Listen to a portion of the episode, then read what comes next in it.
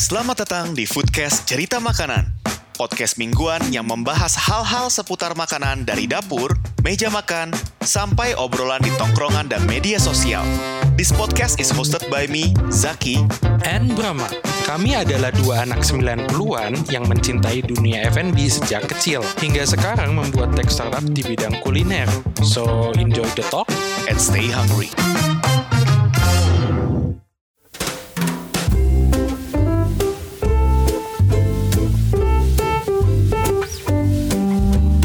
Kembali lagi di Foodcast Cerita Makanan bersama gue Zaki. dan Brahma. Sekarang udah di minggu kedua Desember nih Bram. Dan akhirnya yang ditunggu tiba juga. Kemarin malam ada berita vaksin COVID sudah tiba. 1,2 juta vaksin COVID tiba di Indonesia tadi malam. Gimana nih Bram, menurut lo Bram? Nah, ngomong-ngomong tentang vaksin COVID, gue belum lupa kunci pintu kamar. Apa hubungannya anjing? Apa hubungannya? Gue harus kunci dulu dong. Nanti banyak netizen masuk. Dikata COVID-nya bakal ketok assalamualaikum pintu kamar lu. enggak, enggak. Soalnya kan eh, biasalah kan dia pendatang baru lah ya kan. Kan kalau ada yang datang-datang gitu kan takut tuh. Harus hati-hati, harus waspada. Udah, udah kunci. Ini Jadi jadi gestur gue adalah ngunci kamar. Oke. Tapi gue rada antusias sih, kak. Gue gak tahu ya, meskipun kan masih banyak polemiknya juga dibahas terkait ini belum kelar data hasil uji coba fase 3-nya. Terus juga kan baru 1,2 juta vaksin. Kalau nggak salah ada lagi kan yang lagi dikirim-kirim lagi yang dan bahan bakunya yang bisa bakal diolah sama Kimia Farma ya. Kimia Farma, Bio Farma. Salah, Bio Farma. Iya iya kan itu kan beli beli vaksin covid kan cicilan 0% kan tuh. Cicilan 0% tuh gimana? Dikata Zaki pay letter. Pakai ini bro, pakai ada siapa sih pendiri Alibaba? Jack Ma, Jack Ma. Jack Ma pay letter.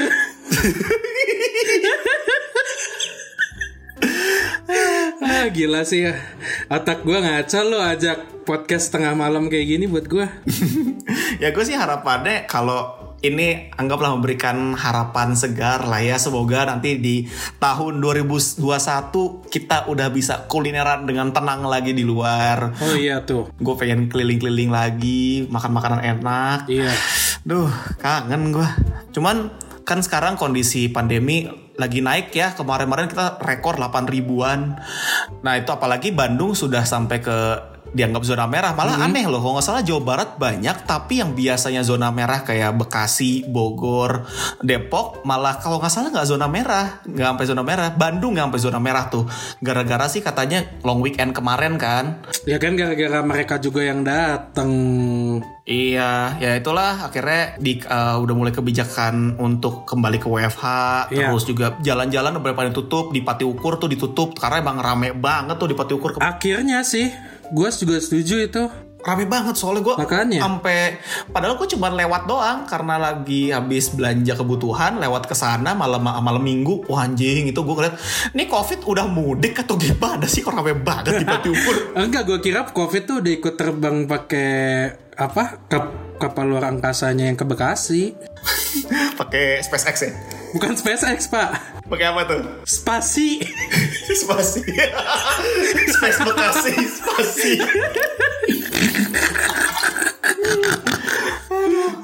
ya itu gue mikir ya memang udah harusnya ditutup sih kondisi kayak gini ya biar orang lebih inilah di rumah dulu aja. Nah tapi ngomong-ngomong di rumah aja kan tetap saja kita manusia ada kebutuhan untuk makan. Oh iya. untuk yang makan kan ada yang ada beberapa tim nih. Berhubung startup sudah selesai dan saya belum nonton udah rame-rame tim Hanji Pyong tim 6 dosan sampai sekarang gue belum kelar nonton belum sempet nonton bahkan jadi di sini Brahma bakal ngasih spoiler endingnya drama startup. Kalau kalian misalnya nggak mau tahu spoilernya seperti apa, kalian bisa langsung skip ke menit 6.20.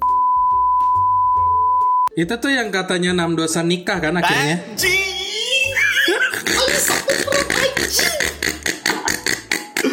Maksud gue, gue sampai log out Instagram pribadi gue demi gue ngeliat spoiler loh. Oh iya, gue juga nggak baca spoiler. Gue kira itu bukan spoiler. Ya nggak usah ceritain dong. Gue nggak tahu itu spoiler atau enggak, tapi gue usah ceritain. Iya soalnya anjing. kan yang nonton di rumah gue pada Udah, udah, udah, teriak. Diem, diem, diem, diem, diem. Wah, gue gak akan denger, gue denger, gue gak denger. Brengsek. Gue tuh pimpen loh pengen nonton startup. Karena gue gak sempat juga dari kemarin. Gue pengen ya atur waktu lah buat nonton. Nanti gue yang padahal gue udah ngeliat kan sampai Holy Wings bikin tim nan, apa sih tim Han Ji Pyong kayak gitu-gitu loh yang di Sama Nam Dosan juga ada kok beberapa Holy Wings. Iya ada beberapa tim Nam Dosan juga Heeh. Soalnya lu tahu nggak sih Nam Dosan tuh kayak lu banget Han Ji Pyong kayak gue banget. Nggak, nggak, nggak. Gue tapi gue udah nonton di awal emang iya sih sebagai kalau gue ngeliat enam dosan gue relate sih. Iya. ya, ya. Makanya ya lu beruntung lah nikah kan dapat. Diem anjing gak usah ngasih spoiler. Ini kayaknya gue di bagian caption ada war, ada warning spoiler startup include di dalam episode ini. Jadi buat ini tolong silahkan skip ke menit berapa. Gue akan bilang nanti gue sengaja gue editing. Buat yang nggak mau denger Iya, spoiler iya. startup silahkan skip ke menit ini. Iya iya iya iya. Ya udah, balik lagi ngomongin masalah versus versusan tim Nam Dosan tim Han Ji Pyong. Nih ada kenyataannya ada sama lo juga ada versus nih. Iya. Gua tim food delivery, lu tim masak di rumah. Oh iya, bener Karena kan kalau lu kan emang di kalau kan di rumah kan emang tinggal sama orang tua juga pasti sama keluarga enaknya masak di rumah. Cuman kalau gua kan tinggal sendirian ya mau gak mau kalau misalnya gue lagi gak sempat buat masak juga apalagi gue di tempat gue sekarang nggak ada equipment buat masak ya udah mostly gue bakal food delivery aja Perasaan gue ke kosan lu ada kompor deh. iya tapi nggak ada pancinya nggak ada apa-apanya nggak ada pisau nggak ada segala macem gimana gue masak oh iya bener. kompornya gue mana kompor induksi gue kalau sama Uncle Roger dimaki-maki gue di sini Oh iya nggak punya Where's your walk lah. nah itu gue akhirnya keseringan food delivery. Mungkin Oke. gue pengennya sih di episode ini nyari ngasih rekomendasi lah eh, kira-kira buat yang tinggal di Bandung atau mungkin yang di Jakarta. Misalnya gue ada yang rekomendasi ya makanan yang ada di Jakarta itu bisa diterapkan. Dan tips-tips kalau mau mesen makanan menggunakan platform eh, ini platform food hailing eh, makanan cara buat dapatkan promo secara maksimal. Nah itu kalau gue mau ngasih rekomendasi nih kalau tempat-tempat delivery makanan yang di Bandung tuh apa dan kenapa gue suka itu? Dan mungkin lu bisa ceritain yang lu di rumah tuh biasanya masak apa. Oke. mau dari gue dulu atau lu dulu Kalau gue ya, lo dulu deh karena gue tuh ada kepikiran nih satu teman gue. Jadi dia tuh tim delivery dan tim masak di rumah juga. Lu juga kenal kok Zak, tapi nanti aja disimpan. Oke oke, ya udah, gua dulu ya. Jadi mostly gua itu mesen makanan via eh, GrabFood. Kebanyakan gua. Kenapa? Karena GrabFood banyak promo, lebih banyak promo daripada GoFood. Oke. Uh, uh, karena banyak biasanya kalau lu mesen minimal 100.000 ribu itu uh, pakai kode promo apa, lu bisa dapat diskon 40.000 ribu uh, diskonnya Iya. biar maksimal diskonnya ya pesannya pas 100 ribu jadi jangan sampai lu mesen 160 ribu pakai satu kali uh, pesan no no no no no you shouldn't do that kamu harus mesennya dua kali Oh, oke. Jadi demi lu dapat 100 ribu pas, demi dapat diskon itu, berarti lu kadang-kadang beli barang-barang yang nggak perlu-perlu banget demi pas ya. oh enggak Oh, biasanya gue beli sekalian buat dua kali makan tiga kali makan. Tinggal masukin kulkas diangkatin aja nanti. Oh, kasihan ya Anda ya. ya gimana? Saya susah nggak ada alat, alat masak. Tapi kenyataannya ada beberapa makanan yang gue buka pakai GoFood. Oke. secara aplikasi sebenarnya gue seneng GoFood tapi ya karena balik lagi saya mengejar promo jadi saya kadang-kadang beralih ke GrabFood nah kalau di GoFood tapi ada beberapa makanan yang eksklusif hanya ada di GoFood udah kayak Spotify eksklusif ya Eh, tapi tapi bentar dulu deh. Udah eksklusif eksklusif gitu, gue tahu tuh yang bisa ada di dua-duanya. Cuman di Emam. iya kan? Cuman Iya. di Emam men. Iya iya iya di Mam kalau nyari tempat makanan tuh bisa dicek tempat makanan tuh ada di GrabFood atau GoFood tinggal pilih aja dari sana. Ya Iya, itu saya tidak gitu menyiapkan untuk built in di sana loh barusan. Saya udah nyiapin tempat untuk built in nanti. Jadi kan nanti kalau Emam udah ada fitur untuk nunjukin promosi apa aja, jadi kan enak ya. Orang udah tahu. Jangan kasih janji sekarang nanti Mas Iki lagi. Gue nggak ngasih janji, gue ngasih harapan. Lebih bahaya anjing. Gue sih gak mau berharap ya. Callback dari episode Subway, gue sih gak mau berharap ya. Oh ya kalau buat mam sih gue berharap. nah, jadi akhirnya gue ada masih ada beberapa makanan Pai Go, uh, Pai Go Food. Oke. Mungkin gue kasih tau dulu nih, kalau dari GrabFood gue biasanya mesen apa? Pa- Biasanya gue mesen itu ada roasted bar. Nah kalau roasted bar itu kan bu- buat yang nggak tahu roasted bar itu apa, itu kayak makanan roast chicken yang kayak ayam panggang di kalau misalnya lihat style-style Amerika gitu ditusuk terus dimuter, dia kayak muter-muter dipanggang kayak di tempatnya gitu lah panggangannya. American rotisserie ya. American Rotisserie itu dulu tuh pernah ada loh Bram yang brand luar masuk ke Indonesia apa ya yang chicken rotisserie itu ah, pernah ada di PVJ di pojokan yang sekarang jadi Saburi Kintan dekat-dekat situ Gue sih jujur nggak nggak pernah tahu karena kan gue emang bukan anak-anak yang nge-mall keluar rumah gitu kan. ini dulu banget Bram zaman zaman gue kuliah kok itu dulu Apalagi itu Zaki, itu mah gue juga belum keluar dari rumah masih di gua. Oh, gue tahu yang di PVJ namanya Kenny Rogers kan. ah Kenny Rogers iya betul dulu oh berarti yang tadi gak jadi gue cut karena jadi inget sekarang namanya apa Enggak, karena di situ juga dulu tuh kan gue keinget-ingetnya antara Kenny Rogers atau Raffles. Raffles bukan ini sandwich dia Tapi kan dia lebih eh, American American sandwich kan Iya. masuknya dan American burger gitu-gitu kan.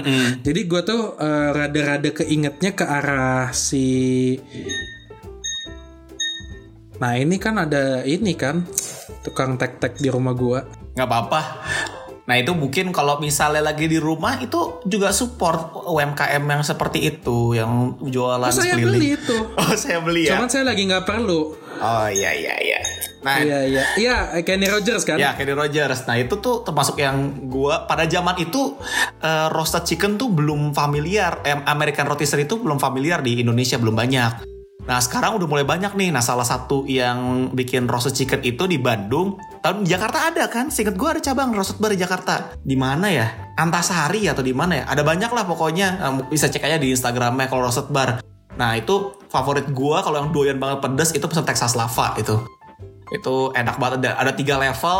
Kalau misalnya emang kuat pedes ya hajar lah yang level 3 lah. Itu enak lah pokoknya. Ada ada kayak campuran-campuran chili oil gitu di tempat Chinese food gitu. Kayak di tempat dimsum kan ada chili oil kan kayak campur gitu lah. Itu kalau yang pertama gue ada roasted bar. Berarti zaman lu Kenny Rogers itu gua tuh kenapa gua nggak terlalu tahu karena zaman itu gua lebih sering makan volcano. oh iya Pada zamannya juga belum ada roasted bar. Volcano juga itu di Setrasari ya Iya, kan pas volcano meletus muncullah lahir Texas Lava. lain lain ada tempat makan dia kalau tuh kayak konsepnya kayak bar gitu tapi dia kayak ownernya kan bule kan ya bule orang Jerman ya kalau nggak salah Eh, sports bar.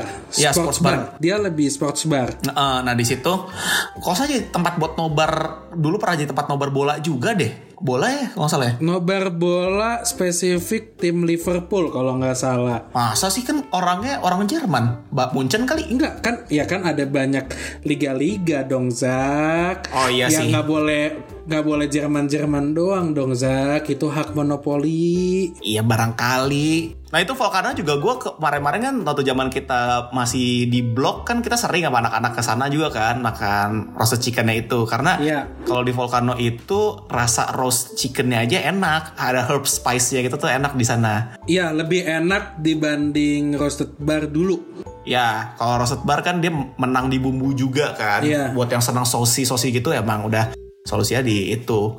Terus yang berikutnya produk lokal Bandung juga Wings O Wings yang sering gue pesan. Oh itu enak sih gue udah lama banget loh nggak makan Iya itu. jauh zaman dulu kita masih ngantor di ini kan daerah Buah Batu rutin banget tuh ke Wings O Wings BKR pesen GrabFood. Iya iya iya betul. Saking seringnya anak-anak sampai udah bingung pesan apa Wings O Wings lagi beberapa hari berentet anak-anak pada pesan Wings O Wings atau itu. Iya makanya kan Ya waktu itu kan kita makan kan lauknya wings or wings, Ah. nasinya kita ganti kan karbonnya pakai pakai Texas lava satu whole chicken. Kebalik pak, kita Wings O Wings nasinya Oh, iya. beli bom rice, bom rice level 100 Nasi yang pedesnya. gue tadinya mah agak-agak klise gitu kita makannya ayam, karbonnya ayam, sayurnya ayam. Sayur ayam.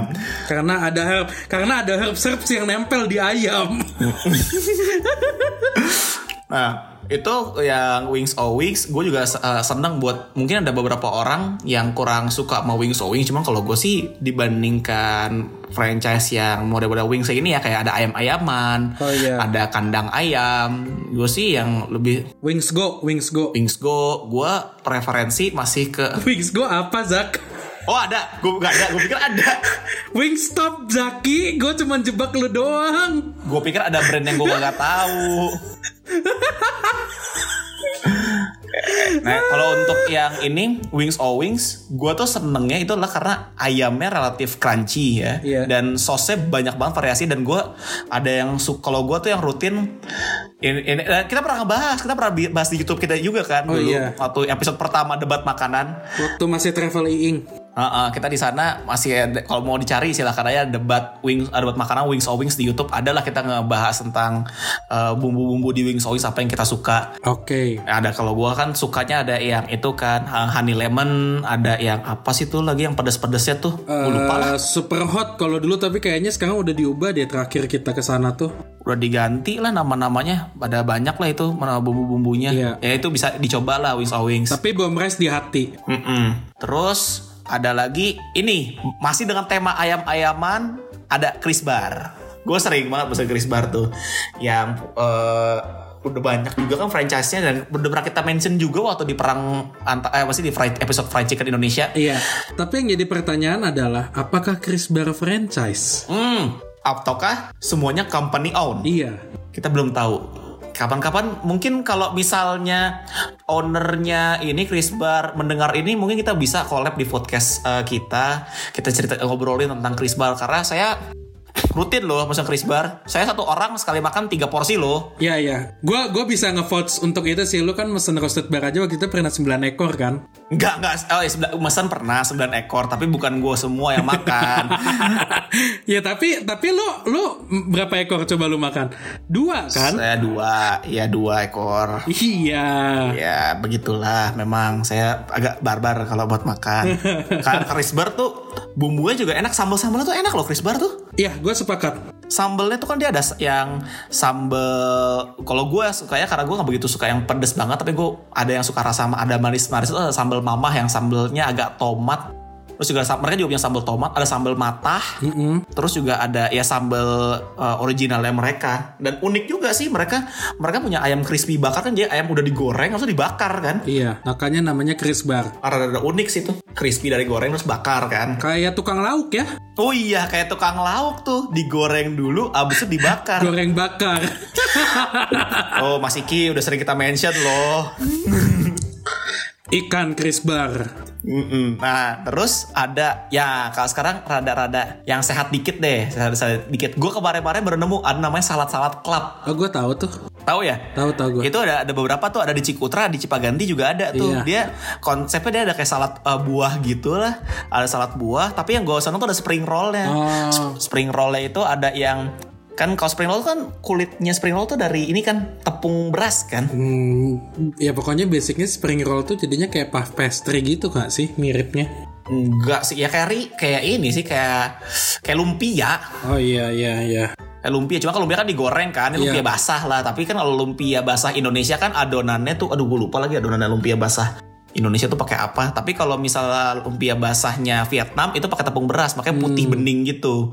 Nah di dalamnya ada isian sayur-sayuran, ada wortel, ada timun, ada selada. Terus kalau di situ gue, Kayak coipan ya. oh gue belum pernah, eh gue penasaran mau coipan, gue pengen ke Kalimantan deh, ke Pontianak. nggak bisa makan itu, Zak. Coipan emang pakai babi? Iya, nggak bisa Zaki. Oh, coipan pakai babi ya? Oh iya udahlah. Iya. Semoga ada yang membuat coipan versi halal. Iya, gua doang tuh karena gua udah pernah ngerasain coipan aslinya, terus gua kangen, terus akhirnya gua ganti dari lard ke minyak wijen. Oh, bisa-bisa. Nah, di salad-salad club itu dia isinya tuh ada yang gue suka ada chicken spicy, terus juga ada eh ada spicy tuna, ada yang paling gue suka sih chicken spicy-nya sih. Hmm, Di situ jadi emang di dan harganya juga masih make sense lah kayak spring roll dan kenyang loh itu. Tiga, satu box itu tiga spring roll harganya 30 ribuan kalau nggak atau 20 ribuan akhir. Itu udah pakai saus wijen gitu. Wah, enak sih itu. Asli. Saus wijen kan agak-agak nati, manis, agak asin gitu. Eh, natinya tuh nati yang bold bold tanah, tanah sih menurut gue lebih bold tanah. Mm-mm. Nah terus juga ada satu lagi nih yang masih di GrabFood ya, terakhir lah terakhir biar gak kelamaan. Gue kemarin randomly gue nggak tahu entah ke, uh, tahu dari siapa ada yang bilang sate atau Rizal di Setiabudi itu enak di Geger Kalong. Gue nggak tahu tahu dari mana tapi somehow gue pesen Enak nggak? lumayan loh. Oh iya. Iya lumayan, tapi eh, masalah utamanya adalah kan sate kambing kalau udah nyampe ke uh, rumah itu dikirim kan mungkin rada-rada ngendal ya, lemaknya harus diangetin lagi. Iya. Tapi secara taste untuk harga segitu dagingnya juga lumayan gede-gede, lumayan taste-nya dan dia unik karena Eh, sebentar. Oh ini tuh yang sate di pertigaan yang mau ke Geger Kalong bukan yang dari Jalan Sebudi. betul betul iya Itu gua Zaki. oh lu Iya, gue bilang eh, kata teman-teman gua itu enak. Terus gue belum coba. Lu cobalah kapan-kapan. Oh ternyata lu udah nyoba. Terus lu nggak ngabarin gua. udah udah Bangsat lu. Astagfirullahalazim. ya kan karena gue bilang gue gak tahu siapa yang kasih tahu itu enak Gede nggak? Gede nggak? Gede ukurannya gede jadi untuk sate ukuran 30 ribuan Panjang. Gede panjang. ya satu tusuk sate panjang Ah, ya maksudnya kayak kan kadang-kadang kan ada yang satu tusuk sate pendek kan. hitam juga kan dari bakar Gak tahu dulu Kan kadang-kadang tuh ada yang cuma ngasih tiga tus tiga dagingnya doang kan dalam satu tusuk sate makanya pendek kan. oh sama sama tiga tapi dagingnya gede-gede Oh jadi gede panjang lebar. Uh, terus juga hitam karena dibakar. Aduh, kalau Uncle Roger udah bilang sorry children. Maaf eh, emang ini eh, foodcast makanan anak kecil belum bisa dengar. Nanti gue masukin background musiknya website kesukaan Anggara. Ya ya ya. Oh jadi itu enak ya. Ah, kali-kali deh gue Dan di situ Bram bumbunya kan biasanya sate kambing kalau nggak ya kecap kacang ya. Dia tuh ada bumbunya ada banyak. Ada bumbu Cajun, ada bumbu teriyaki, ada bumbu DJ yang buat asin pedesnya gitu. Gue suka yang DJ-nya. Oh, Oke oke. Terus juga di situ dia ada tongseng, ada oseng jando. Cuman oseng jando, eh, jandonya menurut gua rada-rada ini sih. Gue baru nemu di eh, kemarin-kemarin tuh dikasih tahu di eh, samping pusdai itu ada sate jando murah enak. Oh. Itu kalau salah seporsinya 12 ribuan gitu. Kalau gue boleh saran ya, sate jando yang menurut gue paling enak daripada yang belakang gedung sate itu, eh ini lu tahu kan eh, Lomi Imam Bonjol yang Lavi? Bukan belakang gedung sate, pusdai. Ya kan gue bilang orang terkenalnya belakang gedung sate, Zaki. Oh, iya kan gua habis bahas pusdai Brahma. Iya, terus kan gue mau ngasih saran yang lebih enak. Ya udah, di mana tuh? Di Mambonjo. Oh, tahu gak Lavi itu ya? Yang tempat ini. Oh ya, gue udah pernah nyoba juga itu. Kalau udah nyoba itu, Udah dong. oh, kalau sama gue biasa dikeluarin yang bener-bener bagian jandonya tuh baru dipotong. Uduh. Enak tuh kalau jadi kan ada lumer-lumer gimana gitu. Yang masih ada putingnya gitu. Nggak, nggak usah eksplisit banget dong bahas puting. Nah, balik. Nah itu untuk yang GrabFood. Nah, tapi kan gue bilang ada dua tempat makanan yang eksklusif aja dari GoFood. Langganan gue biasanya. Iya. Yang satu berhubung masih berhubungan sama kambing-kambingan, Iga bakar pasar won. Oh iya, itu yang turunannya udah kayak daki gunung. Oh, tangga Saulin coy. Oh iya. Tangga Saulin asli kalau mau ke sana. Jadi buat orang-orang yang dengerin podcast ini, mungkin ada yang familiar sama Iga bakar pasar won karena itu cukup terkenal di Cimbelit dulu, apalagi anak-anak Unpar. Dulu dulu, iya iya dulu banget sih. Eh, sampai tahun kemarin lah ya yang harusnya tahu angkatan-angkatannya. Hmm, iya. Lah, kita pernah bikin video juga di situ. Berapa gue baru ingat tahun lalu? Iya kan, terus kan anaknya anaknya Pak Sarwon nge-DM gua. Uh, sombong banget ya gua. Sombong banget. cut Sombong amat. Nah itu akhirnya kita tahu dia tuh pindah tempatnya. Iya. Nah jadi dia tempatnya tuh rada pelosok gitulah ke dalam gitu. Jadi kalau misalnya dari misalnya kalian mau jalan kaki, misalnya parkir di Indomaret Cimblet yang paling pertama dari Simpang Gandok itu sebelah kiri tuh ada gang. Iya iya iya. Masuk ke sana lurus terus terus ada tangga turun jauh. Iya. Nah di situ dia di rumahnya langsung sekarang. Nah itu kan lokasinya rada-rada susah ya kalau mau nyari. Tapi kalau bisa buka di websitenya Emam itu Iga Bakar Pasarwon, lokasi Google Maps itu udah exactly basically di sana. Jadi kalau pakai akses motornya bisa dari Setiabudi ada uh, jalannya lewat uh, samping Budi Budi Karya Taylor tempat jahit itu ada gang masuk ke dalam. Kalau pakai motor doang, kalau pakai mobil ya palingan parkir di Galeri Cimbelit kah atau di uh, Indomaret jalan ke dalam sana. Tapi kalau yang susah, apalagi sekarang kondisi pandemi di rumah aja, mending pakai GoFood pesannya. Betul. Tapi cocok ya. Hmm. Makan di situ kita turunan kayak gitu kan habis makan berlemak kan, habis itu dibayar pas pulang. Heeh, uh -uh, nyampe atas lapar balik lagi turun pesan lagi. Iya. nah, itu kalau misalnya pasar Won itu kenapa gue suka bahkan orang Bandung biasanya iga bakar kan si jangkung kan biasanya kan ya yeah. identiknya. Yeah. Kalau gue pribadi lebih suka pasarwon. Secara rasa dan dagingnya lebih enak dan harga juga lebih murah dikit. Lebih murah sih, bukan lebih murah dikit sih. Oh iya yeah, jauh ya. Gue udah lama gak ke jangkung gak tau harganya berapa sekarang. Jauh jauh jauh jauh lebih murah. Hmm. Jangkung tuh terakhir ah gue takut salah lah pokoknya udah di atas 40 deh. Apa di atas 35 lah. Dan kalau pasarwon itu kan eh, ini kan konsepnya kan iga bakarnya pakai cobek gitu kan. Pakai cobek kayak batu gitu. Lah, Emang iga jangkung enggak? Ya bentar gue belum kelar Gue mau deskripsiin makanannya buat yang nggak tahu oh.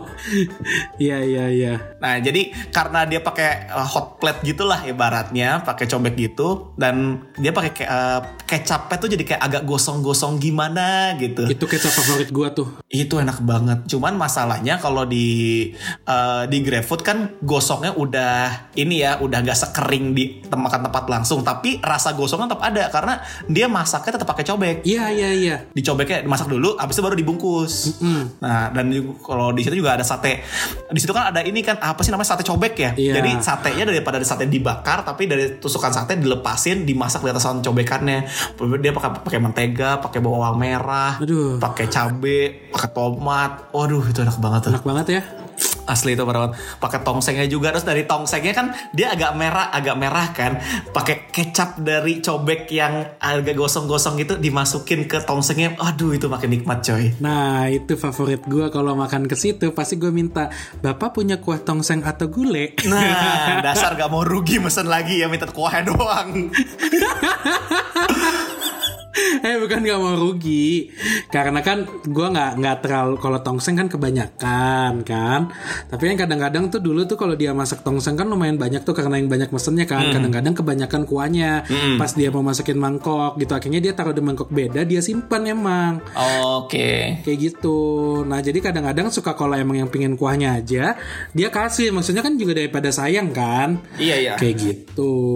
Nah terakhir dari GoFood eksklusif lagi ada yang kalau misalnya gue lagi pengen makanan yang simple grab to go gitu adalah kuro kuro. Oh, gue tahu. Tahu? Gue tahu. Roti bakar kukus gitu. Itu tempatnya di Tubagus Ismail di depan Indomaret yang paling pertama lah kalau misalnya dari Jalan Dago belok kiri ke Tubagus, Indomaret pertama sebelah kanan itu ada kuro-kuro di situ. Iya. Dulu 24 jam, kok nggak salah deh. Semenjak pandemi kali. Iya, kalaupun nggak 24 jam jam 12 sampai jam 12 malam dan bukanya pagi. Jadi bisa buat sarapan, bisa buat ngemil tengah malam. Iya. Kadang karena gue suka bingung tuh kalau pengen makan yang manis, kalau martabak kebanyakan kan gue tinggal sendiri juga kalau misalnya makan martabak sendirian ya gue berdasarkan kesuka makanan manis Zak omongan lu jadi kayak kurang valid gitu karena kan lu abis ngomong tadi ya makan ayam dua ekor martabak hidup sendirian gak valid. Eh tapi gue kalau makanan manis tuh gak, gak doyan banyak Bram. Kalau misalnya makanan asin gue kuat banyak. Iya iya iya. Tapi kalau makanan manis gue gak begitu kuat. Iya kenapa gak pesan martabak asin Nah, tapi kan gue bilang ada kalanya gue lagi craving makanan manis, oh, tapi iya. nggak iya. mau terlalu banyak. Jadi akhirnya gue kalau di kuro-kuro enak kan ukurannya kayak burger gitu kan ukurannya. Yeah. Jadi kuro-kuro tuh ada yang roti yang dibakar, ada yang dikukus. Kalau gue biasanya di situ tuh mesennya ada dua, satu asin, satu manis. Kadang yang kalau gue lagi lapar ya asinnya gue bikin dua. Kalau misal lebih lapar lagi ya manisnya juga tambahin satu lagi. Bener. Jadi empat rot, empat burger. Nah itu yang kalau yang asinnya tuh dia ada telur, sosis, mayo, keju. Itu harganya cuman harganya 14 ribuan atau 15 ribuan tuh. Wah itu udah enak banget. Dan kalau yang asin dibakar. Nah kalau yang manis dikukus. Kalau gue suka tuh ada roti kukusnya rasa coklat lemon. Karena apa gue suka itu? Gara-gara dulu tuh di Dunkin Donat ada donat coklat lemon. Di dalamnya tuh filling lemon di atasnya pakai glaze coklat. Itu dulu gue suka banget sih. Tapi sekarang udah kagak ada menu itu. Dunkin yang mengenang itu cuman donat yang mint, yang hijau. exactly. Itu juga gue suka banget anjir Tapi stoknya nggak pernah banyak. Kesel banget gua. udah gak ada kan kayak udah gak ada juga deh Masih ada. Oh, masih? ada, tapi mereka nyetoknya dikit dan gua tuh kayak mempertanyakan banget. Lo tahu itu menu best seller kalian yang Macy's yang sesimpel itu. Kenapa nggak dibanyakin stoknya? Karena gue ingat banget waktu itu kan lagi ada promo tuh pakai Shopee Pay yang ba- beli 6 dapat 6 kan. Mhm. Ah, nah, pas gue minta 12-12-nya yang hijau tuh cuman ada 8. Oh, ya, tapi akhirnya gue biasanya kalau lagi kangen sama donat yang coklat bean itu, gue beli di Krispy Kreme kalau di Jakarta. Mewah banget sih, Zak. Karena donat Krispy Kreme tuh enak banget pak, worth buat dimakan. Donat favorit gue itu. Tapi tapi ini gue kasih satu teaser doang. Apa tuh? Kalau lu udah suka sama Krispy Kreme di Indonesia, Hah? jangan pernah makan Krispy Kreme di luar Indonesia. Kenapa tuh? Udah pasti nggak akan mau lagi ke Krispy Kreme Indonesia. gue mah ngasih tahu. Iya sih. Mendingan jangan. Ya, Mendingan jangan. iya iya iya. Daripada Anda selalu di, dihadapi dengan kekecewaan yang ah Hmm, iya iya betul betul. Iya itu yang gue rasain karena kayak ada makanan ketoprak langganan gue tuh gue kecil di daerah Senen atau di Jakarta. ya kan? Gue sejak itu gue gak bisa makan ketoprak. Susah banget gue makan ketoprak karena standar ketoprak gue jadi ketinggian. Oke, itu kan nggak enak kan? Iya, jadi akhirnya gue padahal gue doyan banget sama ketoprak tapi jadi gak bisa makan ketoprak lagi sejak saat itu gue. Baru apa ya? Paling gue di Jakarta ada Ciragil lah yang masih bisa menyaingi dikit. Oke. Cuman harganya Ciragil kan rada-rada gila ya. Lo bayangkan makan ketoprak tuh masih belasan ribu gitu. Nih makan ketoprak sampai 40 ribu. Sebentar nih. Kan tadi lu udah nyeritain nih masak-masakan yang lu beli kan. Kalau gua sih lebih suka masak di rumah, Zak. Nah, Apalagi pandemi ini ya, keluarga gua dan gua tuh makin ken- kenceng lah masak di rumah. makanannya apa sih yang lu masak di rumah biasanya? Jadi di rumah gua tuh tiap minggu tuh kadang-kadang punya tema kalau lagi pandemi gini. Oh iya, tematik ya. Serius. Kalau lagi pengen makanan barat, adik-adik gua tuh lagi pada suka makan beli yang saikoro, saikoro kayak gitu. Hmm. Yang udah frozen. Ah, saikoro kok makanan barat? Oh ya sorry, dagingnya Jepang kayak gitu, Ah. tapi dimasaknya ala barat. Jadi Oh. beli dagingnya tetap tetap saikoro kayak gitu. Mewah ya Anda ya, pakai saikoro. Enggak, ah, saikoro murah. Berapa? Segitu pokoknya. ya terus terus terus beli wagyu kayak gitu terus eh, makin mawah anjir makin orang kalau saikoro masih ada orang nggak tahu saikoro apa Tak dulu, tak dulu. lu udah ngomong wagyu orang udah paham tuh daging mahal ya sabar nah abis itu disim- diimbangi lah beli daging sirloin lokal oh kayak iya, gitu. iya. Pokoknya kalau lagi masak di rumah gue tuh bertema lah. Nah jadi kalau lagi lagi suka makan daging-daging lah ya lebih enaknya Hmm. itu kita belinya kayak gitu. Kalau kadang-kadang juga beli yang US prime beef yang di slice, Hmm. dibikin tom yum. Kalau lagi Oh. makan suki tuh di rumah gue suka bikin kayak gitu juga. Cuman yang paling sering dimasak di rumah gue itu pasti kalau nggak bertema Sundanis atau enggak masakan Jawa tapi yang nggak Jawa. Jawa yang gak Jawa tuh gimana Orang Jawa kan identik makan manis kan. Keluarga Oh, gue ada iya, suka iya, iya. makanan identik manis. betul betul betul Gua terutama ingat banget sih pas lebaran kemarin. Di rumah gua itu kan masaknya akhirnya temanya gudeg Jawa pinggir jalan. Kayak embok-embok gitu. oh iya ya Bikin opor kan, akhirnya bikin sambal goreng krecek yang udah pasti sambal goreng kreceknya banyak dengan cabenya minimal 20. Habis itu cabai yang ngambang ya, bukan yang diulek. Yang diulek masih ada lagi. Banyak ya cabe banyak banget cabe Oh iya, tapi ini eh, terkait ini ya, Brahma bilang barusan Brahma tuh kalau misalnya seminggu tuh bisa mas- masak makanan yang sama tematik kayak gitu itu I can vouch for that karena dulu waktu kita masih kerja di kantor, Brahma tuh sering bawain makanan masakan rumahnya ke kantor. Oh iya betul. Dan ada kalanya itu Brahma tuh beberapa hari tuh bawain krecek terus gara-gara dan sampai ada titik di mana Brahma bilang, "Zak, makanin lo mau krecek gak di rumah udah pada bosen krecek tapi pada masih banyak di rumah." dan ngomong-ngomong krecek, Bram. Iya. Kotak bekal lo masih ada di gue sekarang. Oh iya. Cakep gue nanyain dia BTW. Maaf tante, lagi pandemi bingung balikinnya. Ya udah, dulu. USB gue juga ada di lo. Oh iya juga. Ya udah nanti USB-nya gue masukin ke dalam kotak bekal. Ntar dulu.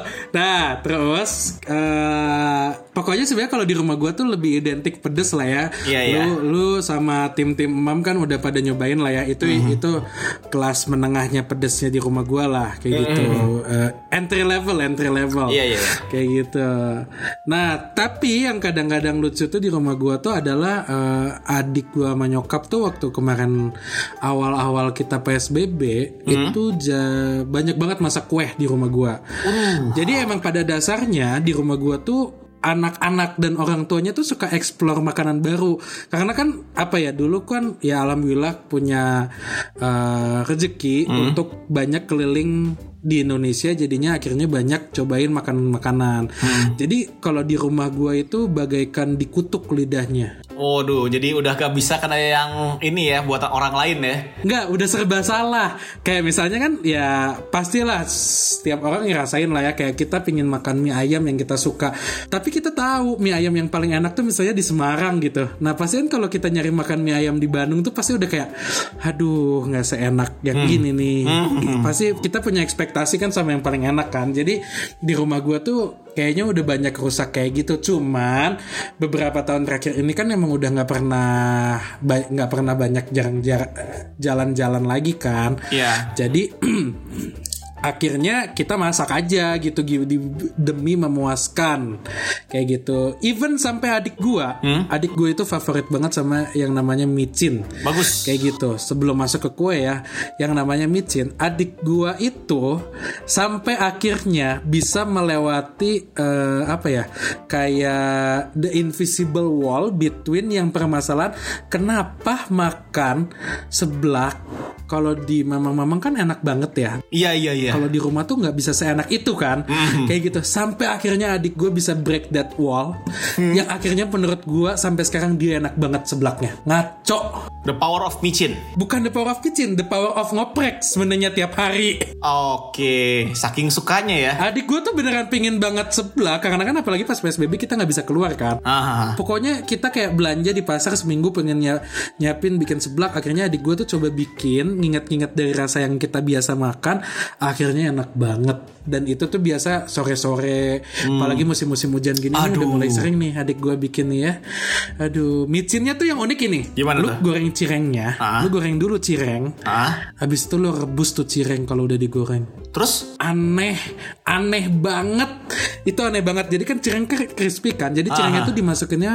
menengah menengah mau mateng gitu sebelah yang lainnya Ah. jadi pas lu makan masih fresh kan jadi lu dapat crunchy cirengnya tapi di saat aci itu ketemu air itu kan jadi kayak cilok ya Ah. nah dapat softnya kayak cilok tapi crunchy kayak cireng digoreng aduh gila sih Hmm. itu enak banget sih ngaco Wah iya iya. Nah, terus selain itu adik gua tuh lebih banyak nge-explore bakery jadinya.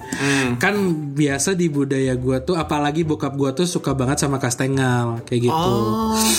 Ya, salah satu alasan kita makan di rumah juga adalah mengirit.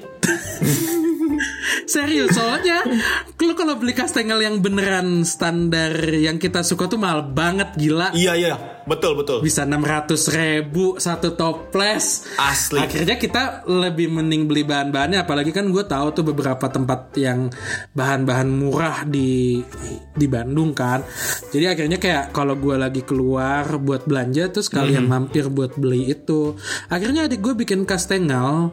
Itu juga enak banget sih.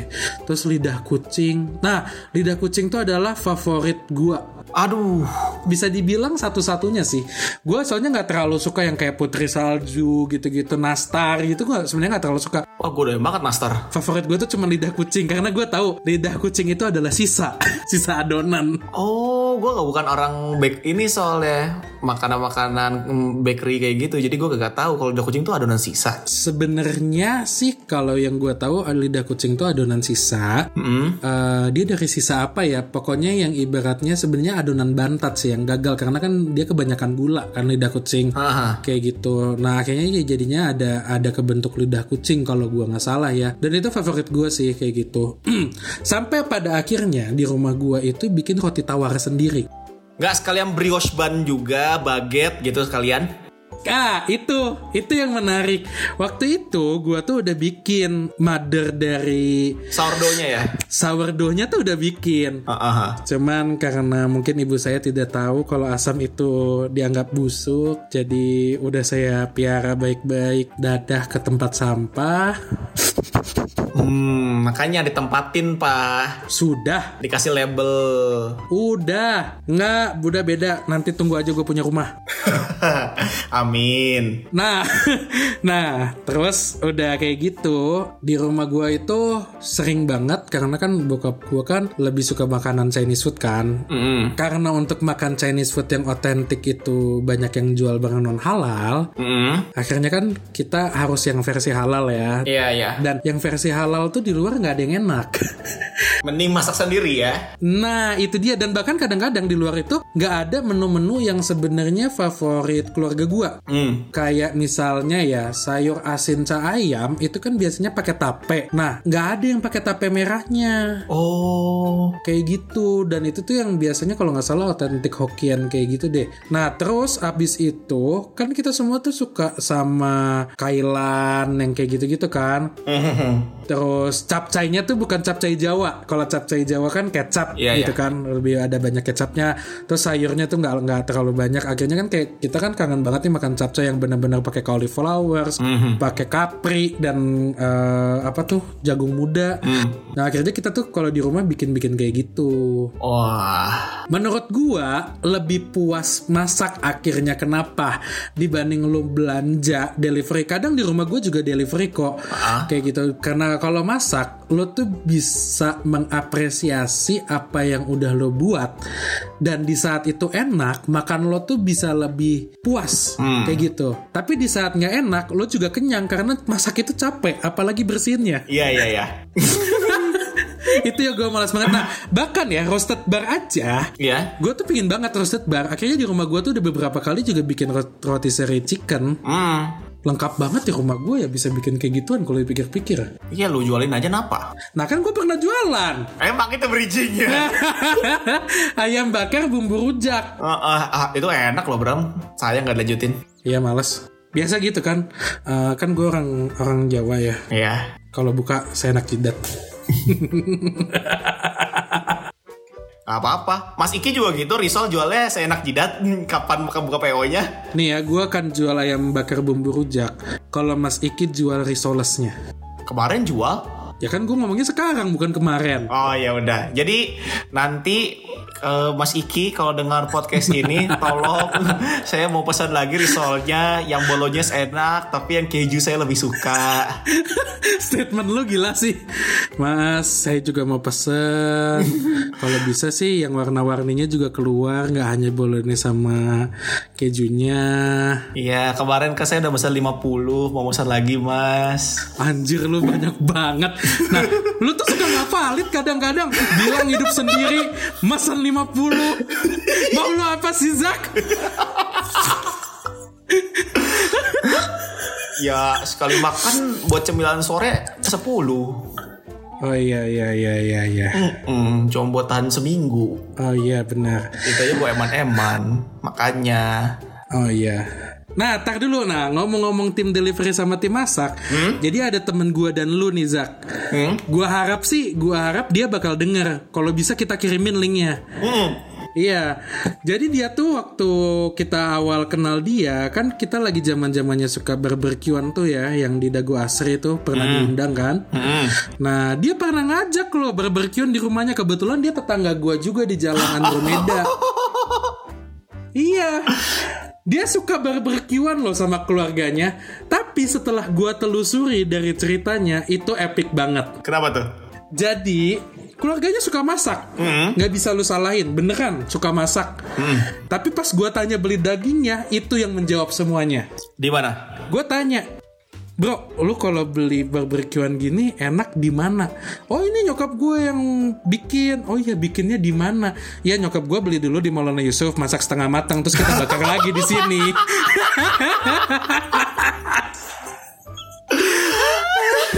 Pantes enak. Jadi itu buat si Paulo, tolong. Kami butuh klarifikasi. Cara masak Anda seperti apa itu?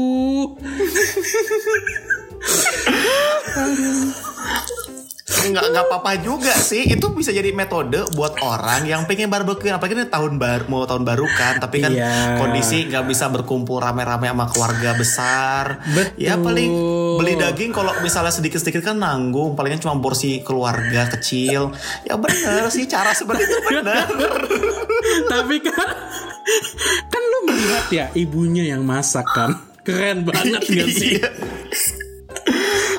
Sate Maulana Yusuf ala mami. Aduh. Udah kali ya, pokoknya kalau gue sih lebih tim masak karena gue lebih punya kebebasan mau pesan apa. Soalnya kalau di Grab dan gue food Grab food di Grab food di rumah gue itu isinya paling banyak fast food. Depan rumah gue deket situ ada McD, sebelahnya Burger King, ada KFC, ada Ricis dan inti-intinya tuh jadinya ujung-ujungnya ke sana. Ya biasa kita juga kadang-kadang akhirnya eh, delivery juga ya. Cuman karena terutama gua sih terutama gua karena gua lidahnya pingin rasanya lengkap. Karena kan kadang-kadang kalau lu makan ayam geprek kan cuman asin pedes kan? Iya, kayak iya. gitu doang kan? Nah, nah, karena kalau gua suka lidahnya lengkap kayak gitu akhirnya yang paling favorit gua masak itu selain masakan Indonesia itu adalah gua pasti selalu bikin kalau nggak gula sup itu pasti spaghetti dengan spaghetti bolognese. Dan akhirnya kalau bolognese ada sisa gue oprek jadi gula sup. Hmm. karena itu yang memunculkan cita rasa menurut gue yang lengkap. Asin pedas manis dan umaminya itu keluar semua Ya tapi mungkin buat yang nggak tahu gula sup, eh, gula sup itu kan eh, ini kan ya eh, makanan tartar Eropa, Eropa. eh, Hungarian Oh ya Hungarian. Itu kan dia makanannya itu sebenarnya kan kayak sup tomat kan. Biasanya kan sup tomat kan dia. Eh, sebenarnya simpelnya gini, lu punya ada sisa sup iga, campurin sama sup bolognese lu. Basicnya sebenarnya kayak gitu tau menurut gua. Ah. Karena kan di dalam gula sup itu ada kentang, ada wortel, eh, supnya merah tomat, rada kental, rada thick. Karena dia lebih pakai tomato puree, and then dia ada shredded daging iga. Mhm. Jadi menurut gua kayak kalau ada sisa dua itu bisa gabungin enak banget. Karena ini yang bikin enak, asid tomatnya. Ah iya iya iya iya. Ya sih aduh. Lapar ya gua. Ya nih Makan apa? Terus tidur. udah malam Bram kita tappingnya jam ini jam 9 malam kita baru kelar tapping. Ya makanya kan lo udah ngelewatin jam tidur gua. Gua begadang ini demi lu. Iya, gua abis ini begantian gua begadang ngedit audionya. Kan jam tidur lu emang jam segitu Zaki. Gua udah memperbaiki jam tidur gua Brahma. Ya kan gua biasa tidur jam 7 nih ya. Bangun gua jam 7 lagi. Soalnya kan biasa lah. Kalau balita kan butuh banyak tidur. Balita dari mana? Nggak, ada yang bilang loh. Gua, gua, gua balita tuh tau nggak apa? Apa? Bayi 5 juta. Kenapa 5 juta? Kilo belakangnya jangan lupa.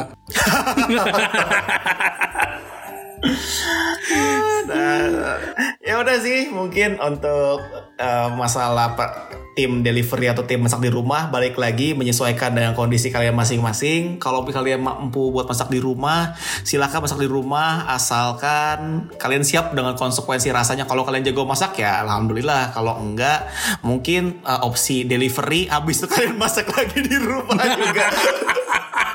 Beli ayam McD Catatannya setengah mateng Bisa digoreng lagi di rumah. Nah itu ya tinggal menyesuaikan sama kebutuhan kalian apakah mau delivery atau masak di rumah. Jadi sekian untuk episode edisi di rumah aja tim delivery dan versus tim masak di rumah. Kalau semoga kondisi pandemi ini segera mereda jadi kita ada tim makan di luar. Oh iya Tuh, semoga kalian suka dengan episode kali ini. Kalau kalian suka silahkan follow podcast cerita makanan di platform podcast yang kalian suka. Sekarang kita sudah ada di hampir semua platform podcast. Ada di Spotify, Anchor, Google Podcast, Apple Podcast, dan masih banyak lagi. Jangan lupa share episode ini ke sosial media kalian. Jadi di tombol di Spotify kalau kalian dengerin ini ada tombol share, diklik, ada share ke Instagram Stories. Habis itu kalian mention ke Foodcast cerita makanan. Ada di Twitter kita juga di Twitter cerita underscore makanan. Instagram Foodcast Cerita Makanan Instagram pribadi gue zaki.muhammad. Instagram gua Ramadan Brahma Thank you for listening to this episode. Until next time Stay hungry.